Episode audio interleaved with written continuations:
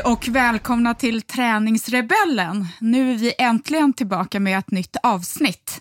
Med mig idag har jag som vanligt, självklart, Queen Blomberg, Desiree. Hej! Hej Anna! Hur är det med dig idag? Det är jättebra med mig. Jag har varit ute och cyklat idag. Ja, jag förstod det. Hur Mm, det- kändes det då? Det var inget roligt. Varför då? Nej, men det var jättejobbigt. Jag hade ont i benen. Och jag behöver få in lite distans nu innan jag ska tävla snart. Och eh, ibland, är det bara, alltså, ibland får man bara göra saker. Passet blev långsamt, det blev inte så där som man har tänkt sig, men jag har gjort det. Och Man kan inte ha bra pass om man inte ibland har dåliga pass. Så jag. är det ju. Mm. Eh, I helgen så har vi varit, eller faktiskt kom hem i natt, eh, så har vi varit på Ironman Jönköping. Eh, 70.3, det är en Mm. halvdistans eh, för de som inte vet det. En halvdistans Ironman är 1900 meter eh, simning. Sen är det cykel 9 mil och sen är det en halvmaraton på 21 kilometer efteråt. Mm. Eh, och där har vi eh, varit. Vad har vi gjort där, Desiree? Vi har hejat på våra underbara teammedlemmar och massa andra människor. Eh, Vi har haft ett simevent eh, som vi hade jättemånga deltagare på. Och eh, Jane Nilsson var där tillsammans med oss och peppa alla våra teammedlemmar innan de skulle tävla på söndagen. Det var jätteroligt. Eh, Vädret blev ju bra till slut också, fast det regnade ganska mycket. Kallt i vattnet, eh, men jag tycker alla var supertappra. Det var jättekul.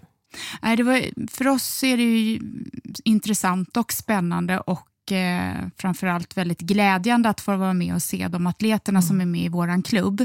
Eh, Team Powerman Athletic Club har ju stigit med nytillkomna medlemmar hela tiden. Ja, det är ungefär tio nya medlemmar i veckan tror jag. Ja, det är fantastiskt och eh, nu ligger vi ju på, vad är det, 1000? 1002 1029 var det när jag sist kollade, men jag har inte kollat på några dagar nu för vi har ju varit i Jönköping. Ja, så är det. Eh, vi har några, hade några som tävlade för vår klubb, men det som var slående var också, som vi välkomnar, det är ju att eh, vem som helst får vara med i Team Powerman Athletic Club, även om man är med i andra föreningar.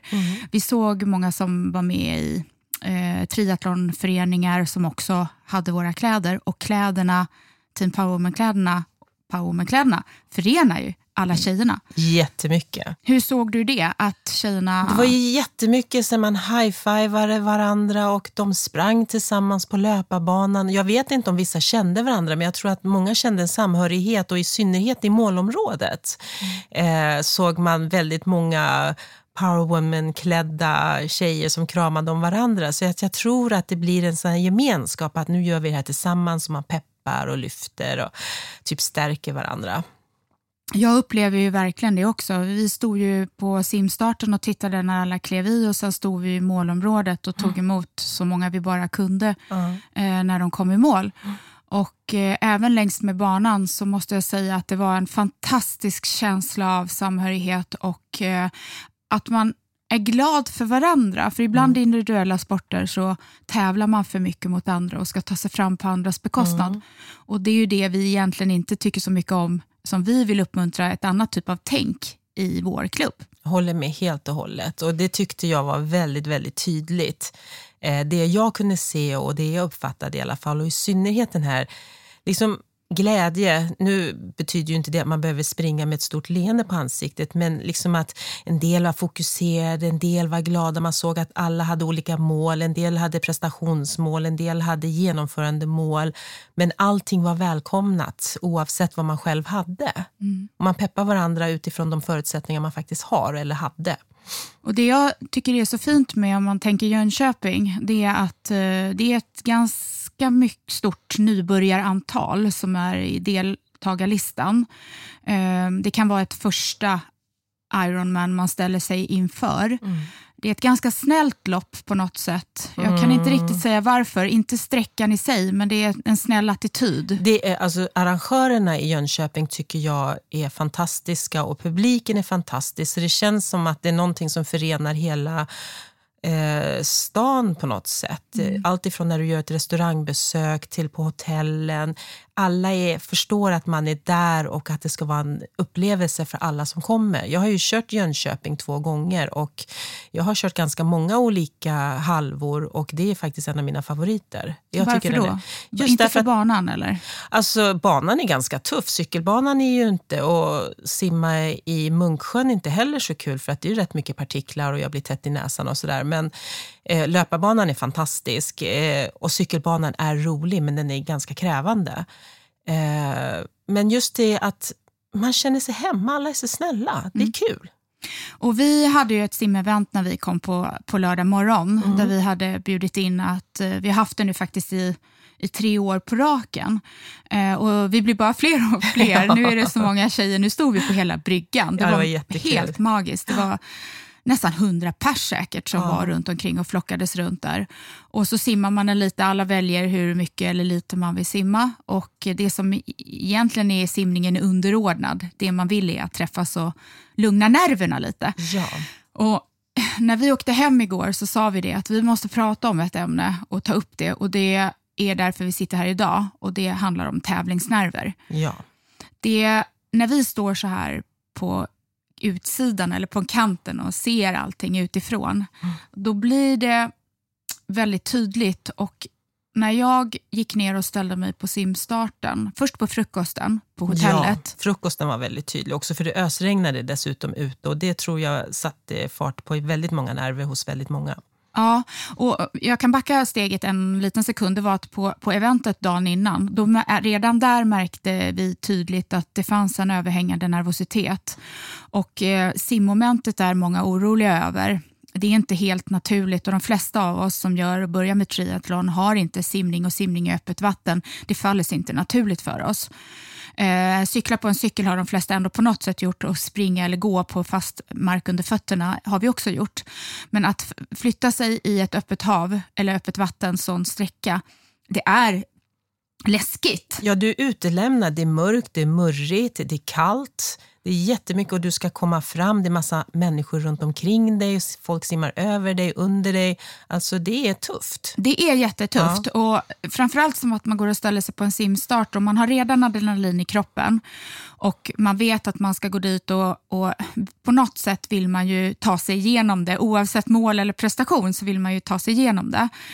Och börja dagen när du har hög puls, eh, och gå ner i ett vatten där du ska börja och andas, tretaktsandas i kanske lite kyligt vatten och titta ner i ett mörker. Den kombinationen av stress eh, är egentligen ganska inhuman. Ja, det är den. Säga. Det är den, absolut. Och du står och väntar. Och du, man kan ju beskriva för de som inte vet hur en triathlonstart går till. Hur, hur, går, hur går en triathlonstart till? Alltså det är lite olika, men eh, i Jönköping har de rullande start och då ställer man sig någonstans där man tror vilken simtid man har. Så är man väldigt, väldigt duktig så ställer man sig längst fram. Är man väldigt, väldigt långsam så ställer man sig långt bak. Det är det som är tanken med hela den här rullande starten. Så att man tänker så ah, nu ska jag simma på 40 minuter. Då ställer man sig bland de andra som också planerar att simma på 40 minuter. Och så går det in, jag tror att de har två per varannan sekund eller någonting mm. sånt där. Så de släpper på och så går det någon sekund och så släpper de på och så går det någon sekund. Mm, så är det. Och eh, det som var på fredagen då när vi pratade, då var det det att alla tyckte att det var kallt i vattnet eh, och det var ruggigt och ingen ville gå i. Och man var, det, allting blev lite jobbigt där. Ja. Så jag kände att våra möte och vår simträff var mycket för att skapa gemenskap i att vi är faktiskt där tillsammans. Ja. Um, och eh, sen stod jag där på morgonen, både på frukosten så känner man den här ångesten att folk går upp och ner på hotellrummet för de måste gå på toaletten. Och, eh, de vet inte om de, de ska, måste äta, men de uh. kan inte äta för att man nästan har en spya i halsen för man är uh. så nervös. Eh, och sen man håller på och fipplar med alla grejer det är så mycket saker, du vet glasögon och våtdräkter och man går in och ut. Kände inte du av den oron? Alltså det var ju en fantastisk oro. Kan inte du berätta lite om den här farbrorn vars fru hade packat bilen med alla saker och hon hade packat ner hans våtdräkt där också så han hade ju ingen våtdräkt Det var jätteroligt. Vi satt på frukosten och han, han bara, ja jag ska göra en triathlon. Han hade väl sin tjej med. De var säkert i 55-årsåldern eller någonting och han satt med ett stort långt skägg. Så eh, och så sa, så sa hon så här, Uh, ja, nej men ska du gå, nu ska jag gå till starten, säger han. eh, och jag måste bara gå upp och hämta våtdräkten. Våtdräkten, sa hon. Men den har jag redan packat ner och lagt i bilen. ska du, varför ska du ha den på dig? Ja, men jag ska ju simma, sa han. Och det var tio minuter innan start. Men han var stencool. Han var, det fanns inte en krusning på nervositet. Han bara, ja men då får jag väl gå till bilen och hämta våtdräkt. Alltså, det var ingen issue. Han var inte sur på henne heller. Snacka om då när man pratar om tävlingsnerver. Ja. Han, hade, han var stencool. Ja, det måste han ha varit. Ja, jag tyckte det var fantastiskt och det Mm. blev så slående. Där satt han bredvid oss på frukosten och bara lutade sig tillbaka och hade ingen panik att han inte ens hade dräkten, den låg i bilen i garaget. Och så står andra och far som yra hönor Mm. och stressar fram och tillbaka med cykelpumpar och grejer. Och då kommer vi tillbaka till dagens ämne med tävlingsnerver. Det var det det vi ville liksom lyfta, för Mm. att jag tror att det är väldigt många som har en gemensam, alla som ställer sig på en, på, på en start. Oavsett ju, vad det är för tävling och det är ju tävlingssäsong nu så att jag tror att det är många av oss som har väldigt mycket som händer i kroppen eh, just när det gäller nervositet och tävlingsnerver och sånt. Går det att säga, tror du att det finns någon som går och ställer sig på en start och inte har någon liksom, tendens till nervositet? Nej, jag tror bara att man hanterar det på olika sätt. Ja. Så tror jag. Alltså, för när, alltså att vara nervös, det är också bra för att du blir skärpt, du står på tårna, du är redo för någonting som ska hända. Så att om man är helt, har man ingen nervositet, då är det frågan om varför gör man det här? Alltså, det måste ändå finnas någonting som kickar igång en. Och jag tror att nerverna är det som kickar igång en. Ja, man får ju, ett, man får en skärpa. En skärpning, exakt. Eh, ja. Sen är det väl det, vad, om man tänker så här, vad, vad är det som är bra med, med nervositet och vad är det som är dåligt? Alltså jag tror att det beror på varför man är nervös. Jag tror att man får liksom sortera det lite grann. Det finns ju olika... Jag kan ju bara gå till mig själv. Eh, jag kan vara nervös därför att jag är dåligt förberedd. Jag kan vara nervös för att jag känner att det här är någonting jag inte riktigt klarar. Eller så kan jag vara nervös därför att jag vill prestera jätte, jättebra. Det, för mig är det de tre sakerna. Jag vet ju när jag körde halvmaraton förra året när vi sprang tillsammans.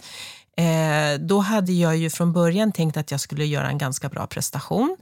Eh, och eh, hade fått ryggskott kanske fem sex veckor innan tävlingen så att jag hann inte träna ordentligt. Och när jag ställde mig på start, då var jag så nervös som jag sällan är. För jag visste att det här kommer inte gå bra för jag har inte tränat tillräckligt mycket. Så det var en sorts nervositet.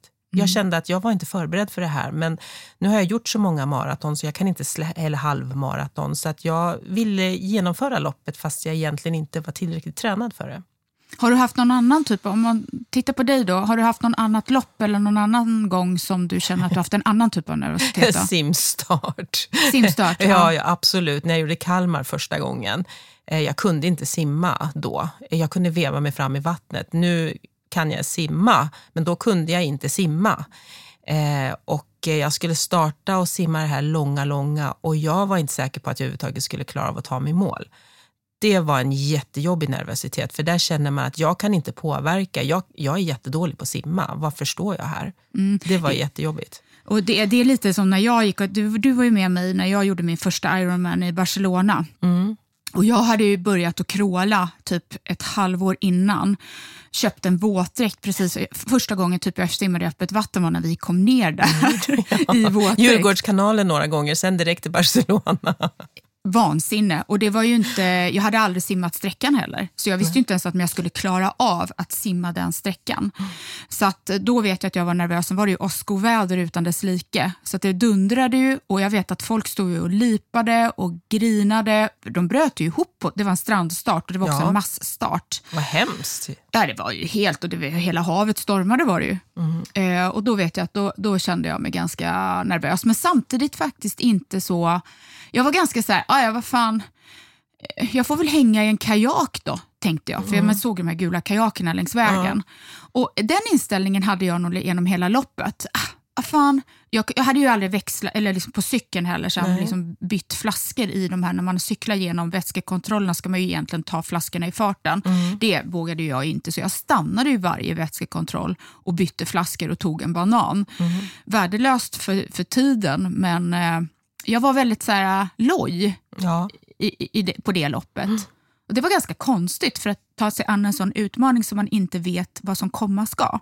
Men jag tror att inte det är en ganska bra inställning om man ska göra en sån lång distans för första gången. För att man vet inte hur kroppen hanterar det. Det är väldigt, väldigt långt. Eh, jag kommer ihåg också när du kom i mål Barcelona så tyckte inte du att det var så superduper jobbigt.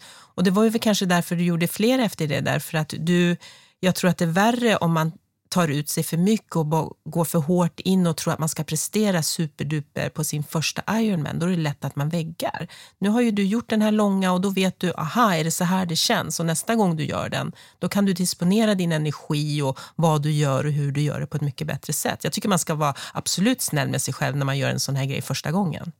Ja, och egentligen alla gånger. För att det som skapar, om vi tittar tillbaka på nervositet som begrepp, så har jag funderat en hel del på det. Vad är det som gör att man blir nervös, det har ju med en osäkerhetsfaktor att göra. Det är mm. att du vet inte, det är någonting som du inte vet, du mm. kan inte. Och det som fascinerar mig där är ju att egentligen med livet så vet ju du inte någonting som händer. Nej. Alltså när vi går ut genom dörren så ska vi gå till bussen. Visst, och det är vi ju inte nervösa för. Men vi vet ju lika lite vad som händer härifrån till bussen som vi vet från en simstart till när mm. vi har gått upp. Eh, sen kan man väl tycka då att utmaningen att simma det är förenat med att, att du gör ett moment du inte trivs i medan att gå till bussen är något du gör i sömnen. Men osäkerhetsfaktorn är ju faktiskt egentligen densamma för vi mm. vet ju inte vi vet ju inte vad det är som händer och Det är det som jag tror olika människor har olika svårt för att hantera. Kan mm. du hålla med mig om det? Ja, det är jag helt överens om. Jag förstår exakt vad det är du säger. För Jag tänker de som har väldigt högt kontrollbehov och vill mm. veta exakt vad som ska hända och mm. veta och hålla liksom, det, det, blir ju extra plågsamt kan jag tänka mig att göra sådana saker. Jo, och det är samma saker som till exempel om du ska cykla en Ironman, det är 18 mil. Eh, min man har varit jätte, jättebra på att tvinga mig att lära mig att laga min cykel. Att laga punker. Att, så han säger att om någonting händer, då måste du kunna fixa det här själv. Då kan inte du bara stå där och vänta på att jag ska göra allting åt dig. Så han har verkligen tvingat mig. Och varje gång jag har fått punka när jag varit ute och cyklat, ja det är din cykel, det är bara att laga, säger han. Fast jag vet att han är ungefär tre gånger snabbare. Eh, och Det har varit jättebra, för när jag är ute och cyklar, jag är inte nervös för att få punka, för jag vet att jag fixar den. Mm. Det tar lite tid, men jag är å andra sidan har inga tidsmål på det sättet som har någon betydelse, utan jag känner så här, ja men jag kan fixa min punka om jag får den. Jag kommer inte bli nervös av det. Men menar du då att, att man blir mindre nervös om man tycker att man har Koll. riskminimerat? Mm, det tror jag. Ja. Men alltså, det kan jag samtidigt inte köpa för att du kan ju inte riskminimera egentligen. Jo, till viss del. Till men... viss del, men jag menar om du, alltså vad är det som du kan ramla, det kan du inte göra någonting åt. Eh, du kan få kramp, alltså det kan hända massor med saker. Men en av de grejerna som jag vet att många pratar om, det är just det här att, åh jag hoppas att jag inte får punka nu.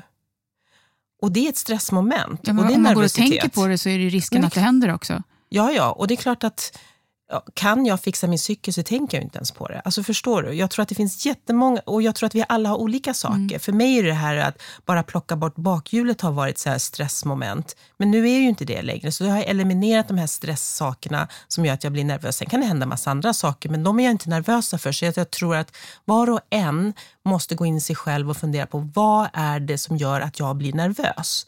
Och vad kan jag göra för att hantera den nervositeten? Fast det är måste, olika hos alla. Så är det ju, men jag måste samtidigt säga det som nu när vi var nere i Jönköping, att då flyttar ju folk runt nervositeten och hittar andra grejer. Det är mycket så här, tänk om-tänk. Ja. Och håller människor på och tänker så här, tänk om, då är, har man ju bäddat för att man bara går runt och oroar sig för saker som inte kommer hända. Mm.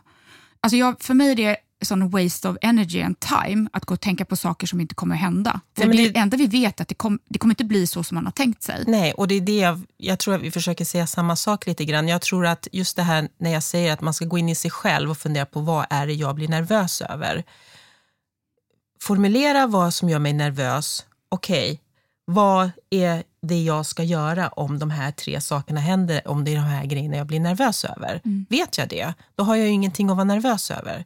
Sen så finns det ju såna omständigheter du kan påverka som när vi var i Jönköping när det var snorkallt i vattnet och de fick, eh, deltagarna fick inte uppvärmningssimma innan och vissa är alltid vana att få uppvärmningssimma och tycker det är skitjobbigt när man inte får göra det utan man ska bara slänga sig ut i snorkallt vatten och sen ska man simma på. Så att jag tror att de grejerna de vet man ju aldrig innan. Fast jag upplevde att det var mycket då att man flyttar saker. Hade det varit solsken då hade det varit, gud jag, det kommer vara så här, för varmt på löpet. Eh, nu var det att det var kallt i vattnet, ja då är det kallt i vattnet och sen bara, ja det börjar regna, ja då blir det halt på cykeln. Så att jag, på, på något sätt, alltså jag säger inte, ger inte det som kritik till mänskligheten på något sätt, men jag kan ändå fascineras över förmågan och kreativiteten mm. att, att hitta en massa läskiga saker där ute som kan hända eventuellt, ifall att, och så skapar man en stor nervositet för sig själv. Man gör det ju ganska jobbigt för sig själv när man håller på så. Alltså jag, säger, jag vet ju att det är så, men jag fascineras ändå över över det att man, för nu var det, förstår du vad jag menar? Ja, jag det flyttas liksom runt hela tiden. Ja, men jag tänker lite på det du säger. Eh, jag tänker så här att ja, om man cyklar och det ösregnar, det är halt och det är läskigt. Och det är klart att man blir nervös. Fast men... någon kanske inte tycker det. Nej, men jag tänker att jag, nervös behöver inte alltid vara dåligt. Det kan vara att man är liksom man skärper till sig. Mm. Okej, okay, nu regnar det mycket. Usch, nu är det lite läskigt. Okej, okay, då får jag backa lite i farten och tänka på vad jag håller på med. Att man hanterar det, att man inte gör det till ett problem utan man bara gör ett faktum. Oj, shit vad läskigt. Precis, och det är det jag tycker är så bra när det du tar upp. Mm. Att nervositet i sig är ju ett fantastiskt fint redskap om det används i rätt riktning. Mm. Men kan vara fruktansvärt destruktivt och skälpande om det används i fel riktning, eller vad mm. man ska säga. Om det nu finns rätt och fel. Ja. Um, för att en nervositet som gör en anspänning, som ger en skärpa, som ger ett mm. fokus, det gör att du blir otroligt målmedveten och utför din uppgift. Ja, det man är här, man är där, man gör det man gör nu.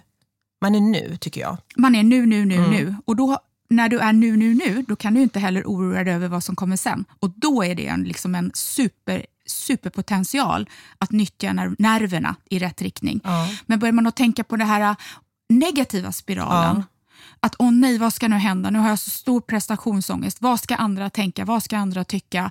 Eh, jag måste typ ja. vara bäst. Jag måste komma tre eller någonting så här. Då kan det ju väldigt lätt skälpa en, tror du inte det?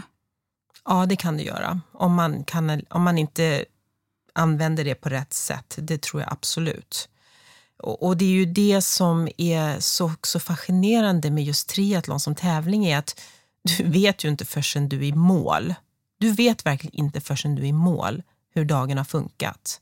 Och det är väldigt många olika moment. Det är jättemånga olika moment och allting ska funka och antingen så har man en jävligt bra dag och allting flyter på som det ska eller så gör det inte det. Men man får inte slå ihjäl sig eller man får inte vara elak mot sig själv om det inte går som man har tänkt sig utan då måste man släppa den där tanken och så måste man bara köra vidare. Jag hade en eh, spännande intervju med Åsa Lundström som är en av Sveriges eh, i särklass eh, bästa triatleter på långdistans, på hel mm. full Ironman-distans. hon var nere i Jönköping och körde halvan. Och jag fick eh, ungefär 20 minuter som jag satt och intervjuade henne om där. Jag frågade henne om hon har en mental coach. Och det har hon. Och Det de jobbar på mycket är precis det här vi pratar om, att eh, vända, använda tanken, den mentala kraften i rätt riktning. Att använda nerverna i, rätt, i, i, i, en positiv bemärkelse som blir konstruktiv och inte destruktiv. Fick du några konkreta tips på vad man kunde göra? Nej, det hann vi faktiskt inte riktigt gå in på. Eh, men det handlade om att träna sig. Hon fick då öppet för den här coachen prata om de situationerna, för ofta har alla har ju nog mer eller mindre samma typ av tugg ja. som kommer upp i skallen, kan jag tänka mig. Och Det har ju hon då fått vända, för när det kommer och det blir... Hon vet, som hon sa till exempel, hon vet att hon vet att det inte kommer bli så som hon har tänkt sig. Och Hon vet att det kommer vara jättemånga dalar under ett lopp där saker är fuck up. Det mm. kommer skita sig. Och Hon vet det redan innan, så hon har en mental inställning att hon vet att det, här, det, det kommer hända x antal incidenter brister med magen, med cykeln, med löpningen, med det och det och det. Och då måste hon vara så mentalt förberedd att hon mm. kan hantera bort det. Och det tycker jag, det bort, bortser man ofta ifrån. Vi pratar mycket om att träna triathlon, man ska träna fysiken, kroppen, ja. man ska cykla x antal timmar, man ska springa mil och man ska lära sig att simma. Det är ju jättebra att vi kan ja. det vi ska göra. Men vad händer med huvudet? Det spelar ingen roll om du kan cykla, springa eller simma om du inte har huvudet med dig. Det är jätteintressant att du säger det, för jag måste säga det att jag har själv hamnat lite i den fällan, inte follan, fällan. Um, jag har tänkt mycket på, nu när jag äntligen har kommit nästa steg i min simning, där jag tycker att jag eh, känner mig bekväm i vattnet, jag tycker att jag har ett flow, det fungerar bra. Och så ska jag ha min nästa stora tävling om tre veckor. Eh, och lika förbannat, bilderna jag har i mitt huvud är fortfarande min första start i Kalmar. Den bilden sitter som en fast, fast etsat fast jag vet att jag är inte där längre. Så det är någonting som jag har funderat mycket på de här sista dagarna, att jag måste få bort den här bilden ur mitt huvud. För att Desiree, du kan faktiskt simma och det är därför jag säger det till mig själv hela tiden. Därför att ja, men Desiree, det där är inte aktuellt längre. Det här kommer du fixa hur bra som helst. Och det, det, är, det är fascinerande. Jag vet inte egentligen, jag kan känna lite samma sak. Du vet ju när jag har gått och ställt mig alldeles för långt bak på simstarter ja. och på maraton och överallt. Och sen kommer jag i mål och bara, men oj, jag kanske skulle ha gått och ställt mig i en annan startgrupp, men att det har suttit så pass långt inne. Nu när jag var i Turkiet, jag fick gå och ställa mig i snabbaste startgruppen och för mig är det en identifikationskrock. Det är ja. lite som du säger med simningen nu. Och Det upplevde jag i Jönköping också. Var det inte väldigt många som ställde sig väldigt långt bak fast de egentligen var bättre? Jo, och det som slog mig var att det var ganska många kvinnor som gick och ställde sig längre bak, eller de kanske gick egentligen och ställde sig där de, de skulle, stå. stå. Mm. Det var ju likadant när jag ställde mig i Hamburg förra året och alla skulle sida sig på en löpning. Och eh, 80 procent av loppet stod på fyra fart. Och Det vet ju alla vi att vem springer i fyra fart? Det kanske är 10 procent som springer i fyra fart. Men ändå lik förbannat skulle folk gå och ställa sig där. Så att, jag vet inte, det, jag hoppas att tjejerna tar för sig, inklusive oss två egentligen, ja. eh, och tror lite mer om oss själva. Inte på ett eh, högmodssätt, Nej. men att vi faktiskt kan eh, förstå att, vad vi har och vad vi har för krafter och vad, vilken mm. fantastisk eh, potential vi besitter. Ja, jag har alltid ställt mig längst bak på alla simstarter och det tänker jag inte göra i år. Nej, det går ju inte. Nej. Det kommer bara bli en dålig simning. Men har du något annat sådär tillfälle? För jag vet att när du har varit så här asnervös, mm. alltså sådär nervös som man bara... Ja, men det, alltså, jag, när vi pratade om det här så har jag tänkt lite grann på de här tillfällena när jag har varit riktigt, riktigt nervös och eh, oftast, jag är ganska så här, ah ja, allting löser sig. Det är lite av min personlighet. Jag bara slänger mig in i saker, jag funderar inte så mycket på vad det är jag gör. Eh, däremot så vet jag ett tillfälle när jag var i Selamse och skulle göra halv Ironman. Eh, och eh, jag är sådär att jag vill ju inte se banan innan utan jaha, nu är jag i Selamse och så läser jag kartan. Okej, okay, det är dit jag ska. Ja, det är en backe som är ganska eh, brant. Ja, ja, det är väl lugnt. Eh, och eh, de atleter som jag åkte tillsammans med, de bilar alltid banan innan, då? innan för att se exakt hur cykelbanan går. Aha. Eh, och så käkade vi middag på kvällen och så frågade jag men hur var cykelbanan, var backen så brant?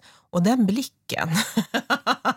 det var, så här, det var så här, så här, två stora runda ögon och jag, då blev jag nervös. Mm. Alltså, och det är kanske mitt sätt att hantera min nervositet, att jag inte ska veta för mycket innan. För då blev jag stressad över något som jag aldrig varit stressad över förut. Jag håller med. Och det var jävla brant och jag hade dålig utväxling på min cykel så jag kom inte upp för backen. Alltså den var en skidbacke rakt upp i tre kilometer så jag fick springa med min cykel men jag var i god sällskap för det var ingen annan som cyklade upp för heller. Mm. Eh, så att eh, det var brant och det var, och det var det jag menar, så att jag tror att det är viktigt att man vissa vill kanske se banan innan, jag vill inte se Jag tror man måste lyssna väldigt mycket på sig ja, själv. Det måste man ju. Det var ju likadant när jag var med din man och, och Eva i, på Norseman. Och vi kom, jag har ju inte kollat banan, jag har helt tvärvägrat. Jag har inte kollat någonting. För jag har bara gjort min träning som min coach lagt upp, så tänkte jag det får lösa sig. Mm. Där är du och jag väldigt lika. Mm. Vi har ju mm. liksom ändå på något sätt en tillit till vår egen förmåga Exakt. att lösa problem längs vägen. Mm. Eh, det är nog också därför vi har ganska bra, haft ganska bra upplevelser mm. tror jag på, på våra lopp där vi inte har satt så höga krav på oss själva egentligen. Men då kom vi och, och över berget och så skulle vi bromsa oss ner för den då som blev första backen upp på cyklingen. Och jag skojar inte, det rök. Att det, det, var, bromsarna gick typ sönder för att det var så brant. Det var ju 1500 höjdmeter på en väldigt kort sträcka, första man kommer upp på.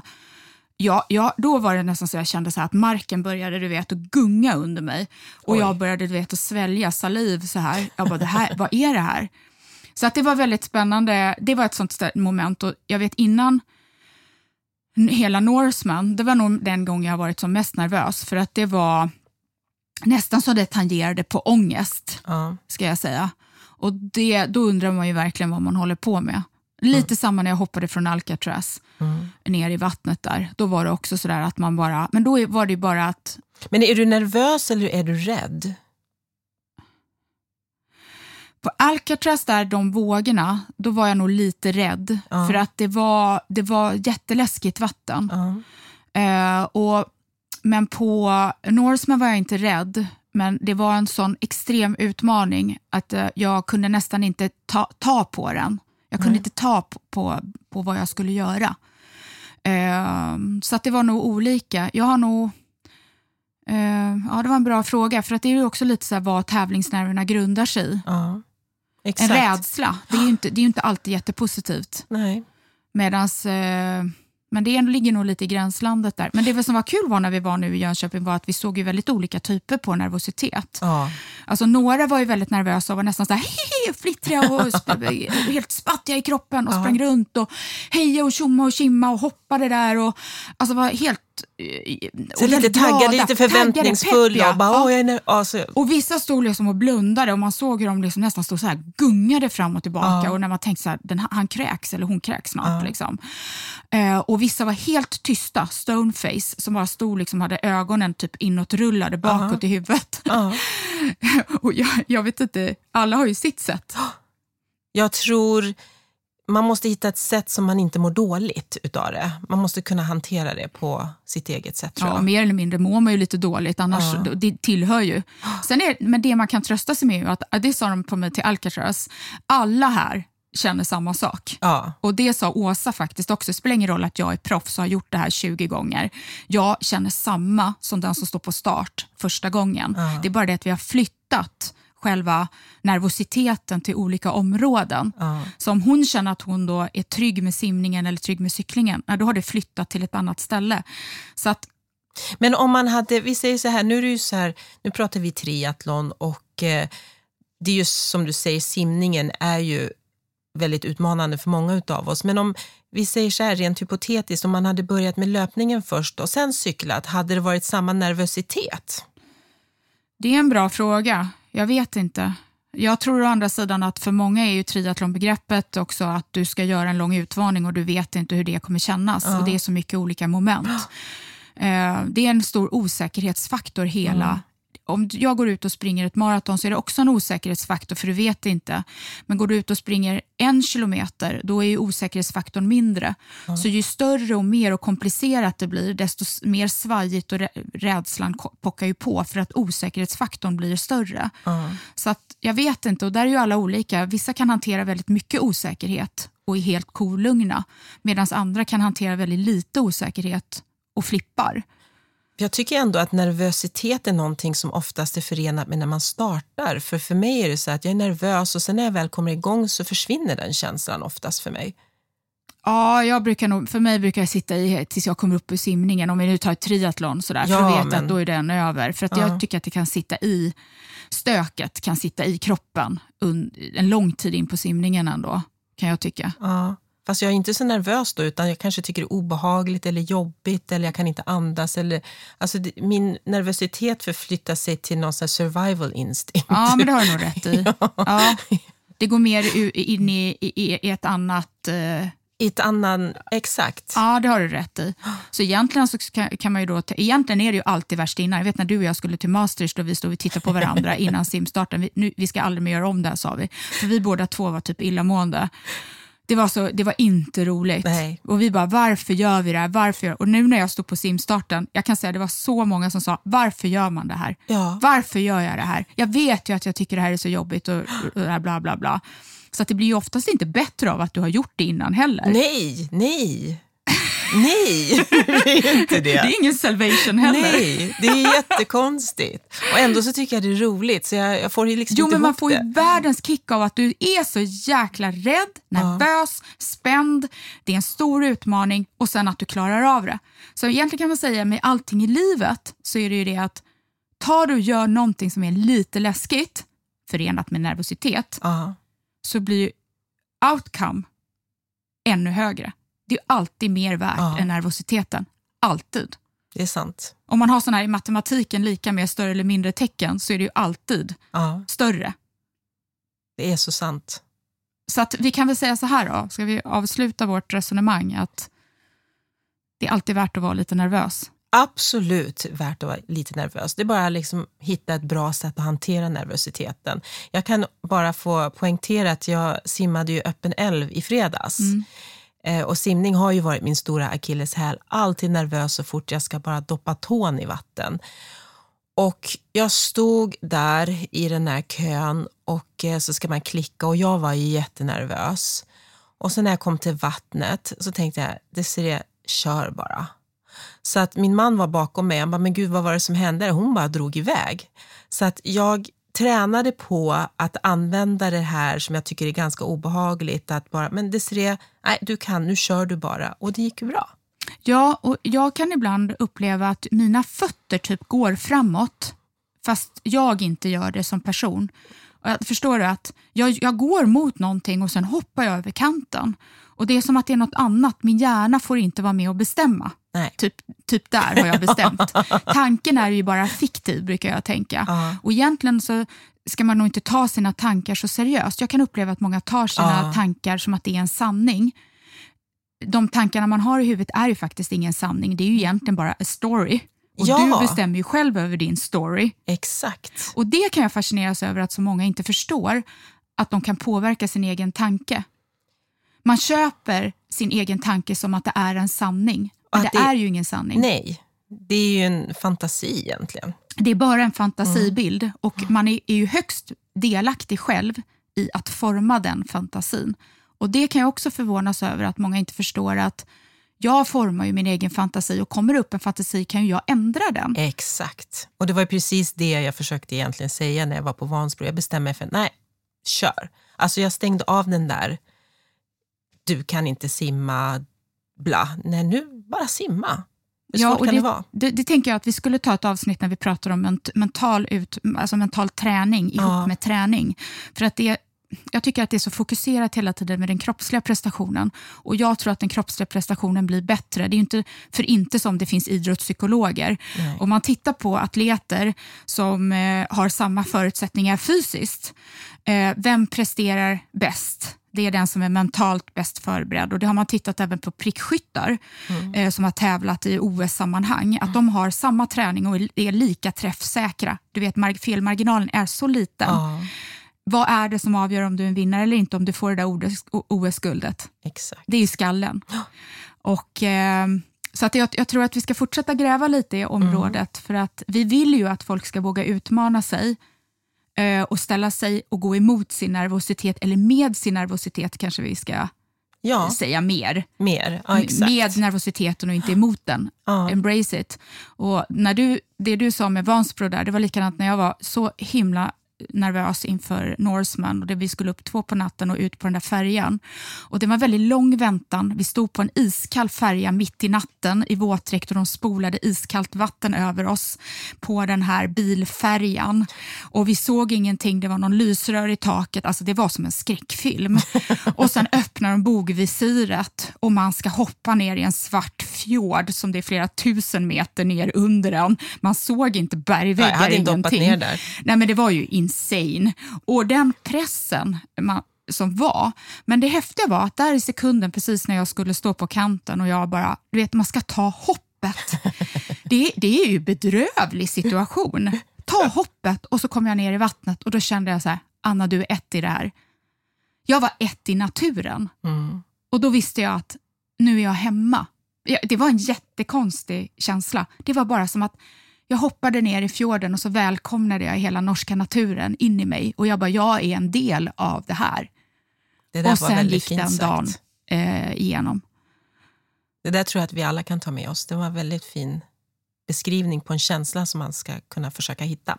Vilken känsla det nu än är. Ja, exakt. Och hitta på din egen känsla. Ja. Mm.